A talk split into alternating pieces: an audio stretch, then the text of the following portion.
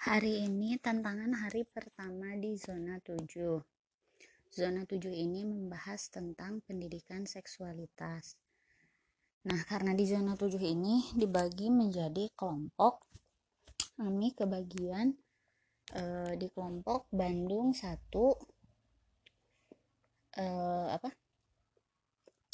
Dan eh, sebelumnya Ami mau cerita dulu tentang bagaimana pendidikan e, seksualitas yang Ami e, sudah ajarkan atau selama ini terapkan di rumah.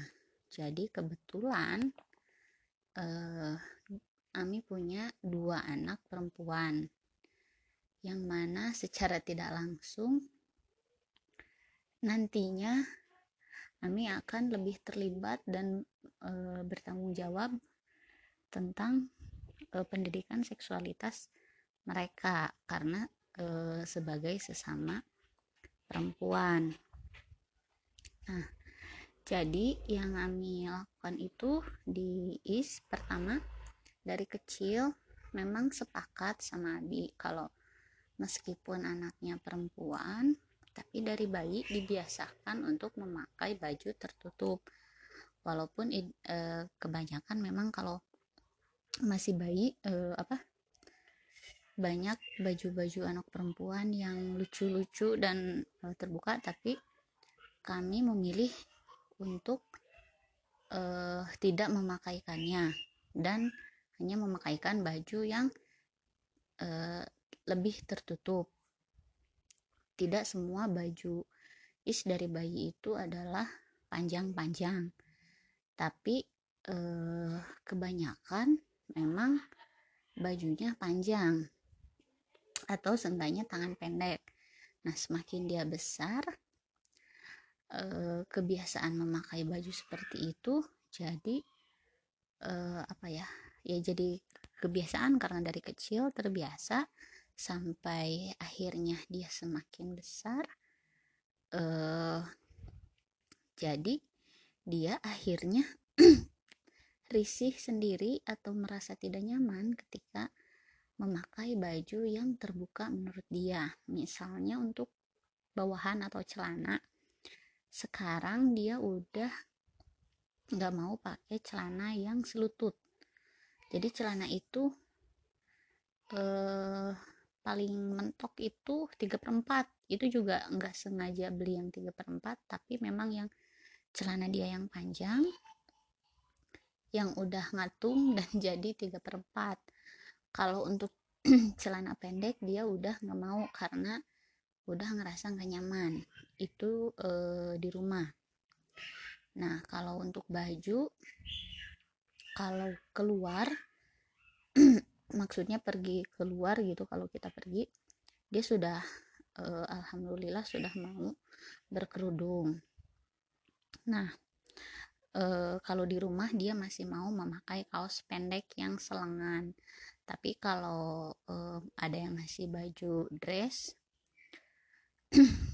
atau uh, apa namanya setelan pendek biasanya dia tidak akan mau pakai celananya. Jadi yang dia pakai hanya uh, bajunya doang dan dipadukan dengan celana panjang yang dia punya.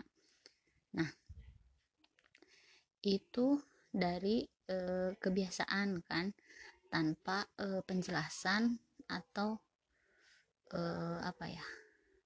atau keterangan apa pun. Nah, semakin dia besar karena dia sudah merasa nyaman dan terbiasa dengan penampilan seperti itu akhirnya barulah uh, kita maju ke step untuk uh, ke step apa? Ke step untuk menerangkan tentang menutup aurat. Jadi di dalam agama Islam itu ada kewajiban menutup aurat untuk uh, muslim. Nah aurat itu karena karena kakak adalah anak perempuan Nah, aurat itu mana saja kita beritahu. Terus e, memang belum sepenuhnya dia full e, berkerudung. Kalau cuma ke warung yang sebelah rumah atau yang hanya jaraknya beberapa rumah dia masih uh, pakai kaos pendek nah dari situ itu dari apa dari kebiasaan itu kemudian akhirnya melebar jadi membahas tentang kewajiban menutup aurat. Lalu kita kasih tahu auratnya kan mana saja dia perempuan sama seperti Ami. Nah Ami ini uh, kakak ini gitu juga. Terus uh, apa? Dia bertanya kenapa kalau Abi?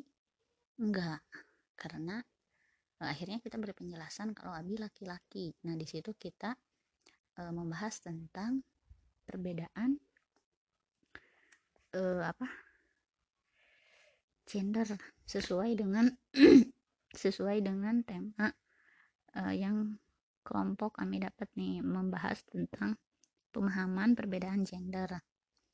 Nah, pas dia nanya itu kenapa Abi tidak panjang-panjang, dia akhirnya uh, ya kita kasih tahu bahwa laki-laki itu auratnya berbeda dengan perempuan. Aurat laki itu mana saja. Terus uh, dia juga me, apa ya berpendapat sendiri uh, bahwa eh, apa penampilan itu bisa dijadikan sebagai penanda suatu gender yang berhijab, yang berkerudung, perempuan yang tidak abi. Lalu selain berkerudung dia juga melihat dari rambut. Karena umumnya mungkin uh, dia melihat di cerita-cerita dongeng tentang princess yang berambut panjang. Nah, dia nanya, uh, ketika ada saudara atau kenalan yang rambutnya laki-laki yang rambutnya panjang dia nanya kok rambutnya panjang kok kayak cewek kan cowok cowok uh, apa rambutnya kan pendek cowok kan harusnya kayak abi. Nah di situ dia sudah punya pemahaman sendiri tentang perbedaan gender dalam uh, pandangan dia dari segi penampilan. Akhirnya ya kita membahas kalau uh, apa penam tidak semua penampilan menjadi penanda seseorang itu perempuan atau laki-laki. Contohnya rambut karena memang banyak juga rambut eh, laki-laki yang berambut panjang. Akhirnya eh, ke sini ke sini dia sudah eh, tidak lagi bertanya ketika melihat cowok berambut panjang. Karena rambut itu tidak melulu identik dengan gender. Nah, pernah pada fase usia 3 sampai 5 tahun lah dia itu e, nahan pipis. Nahan pipis sampai seharian dia nggak mau pipis. Pertama kan kami bingung kenapa dia nggak pipis apa akhirnya diajak ngobrol juga kan masih masih apa ya masih bingung nyari celah gimana Ami menyampaikan apa yang ingin Ami tahu dan gimana dia menyampaikan apa yang dia rasa akhirnya eh, ketahuanlah kalau eh, dia nggak mau pipis itu karena dia nggak suka cebok. Dia nggak suka cebok karena dia tidak suka eh, alat kelaminnya eh, disentuh terkena sentuhan. Dia tidak nyaman. Nah di di masa-masa itu emang cukup lama dan cukup panjang gitu untuk untuk apa untuk memberi pengertian kalau e, pipis itu harus gitu cabut itu harus di luar nyaman gak nyaman. Dan Ami juga bingung gimana karena e, kelihatan banget tiap cebok itu dia risih. Akhirnya uh, di fase itu uh, sekalian lah waktu itu membahas tentang uh, apa ya kebersihan. Ke menjaga kebersihan baik itu dari segi kesehatan maupun dari segi agama. Jadi dalam agama juga disebutkan kalau kebersihan itu sebagian dari iman. Dan dalam kesehatan juga sudah jelas kalau kita tidak bersih uh, itu sumber penyakit itu gampang sekali datang bisa dari mana saja nah akhirnya semakin dia besar dikasih pemahaman itu dia mau lah untuk uh, apa ya mulai uh, mulai apa mulai tidak terlalu tegang ketika pipis dan cebok. Jadi uh, di awal itu Ami Ami masih cebokin kan waktu tiga tahun. Terus uh, sambil dilatih yuk kalau tidak enak kalau tidak nyaman kalau merasa uh, terganggu yuk kakak cebok sendiri. Caranya begini. Terus bagaimana uh, apa ya uh, apa vaginanya tidak terlalu uh, terkena sentuhan gitu. Kalau kakak tidak nyaman yuk coba gini aja dulu gitu. Kita, uh, kita uh, apa kita coba praktekin gitu uh, gimana caranya cebok? Seenggaknya dia pipis aja dulu cebok aja dulu gitu. Kalau tidak nyaman uh, apa diakalin lah ceboknya. Ya tetap bersih tapi enggak yang mungkin dia enggak suka uh, apa ya dia mungkin merasakan sesuatu ketika uh, vaginanya tersentuh gitu tapi dia bingung menga, gimana bilangnya. Jadi akhirnya dia memilih untuk tidak pipis agar tidak cebok gitu. Nah perlahan ya karena semakin besar juga uh, dia akhirnya mau uh, apa mau lebih rileks. Mau lebih rileks untuk uh, pipis dan ketika cebok. Terus awal-awal uh, juga masih didampingkan kalau cebok. Kadang-kadang memang Ami masih cebokin buat cek bahwa memang bersih apa enggak karena kan kalau uh, tidak bersih Ami bilang bahwa patokannya adalah licin. Kalau ada licin berarti kakak belum bersih ceboknya. Terus kalau tidak bersih itu di celana dalam ada noda. Nahan pipis juga. Akhirnya karena uh, dia takut bukan ditakut-takuti tapi dengan sendirinya dia takut takut uh, sakit, takut terkena penyakit dan lain sebagainya kalau tidak menjaga kebersihan. Nah, dia bisa e, menerima bahwa pipis itu harus, cebok itu harus, dan memang harus bersih. Meski mungkin tidak nyaman pada prosesnya. Nah, akhirnya setelah dia mulai terbiasa, ya celana dalamnya juga nggak ada noda lagi. Uh, terus pas Ami, kalau Ami cek untuk cebok juga uh, tidak apa ya sudah bersih lah ceboknya sudah benar gitu. Dan setiap kali Ami mau cebokin Ami selalu uh, minta maaf dulu. Selalu izin dulu. Jadi kak maaf ya Ami mau cebokin kakak. Kak maaf ya. Uh, sekarang Ami cebokin gitu untuk apa biar dia ada persiapan gitu. Terus nah, berlalu lah si fase gak mau cebok itu. Dan semakin hari oh iya pernah juga uh, apa ya dia menanyakan tentang abinya. Kenapa abi kalau pipis berdiri? Dan mungkin saja namun uh, selewat mungkin dia pernah lihat secara tidak langsung uh, tidak tidak tidak apa ya tidak langsung tapi mungkin dia tahu gitu.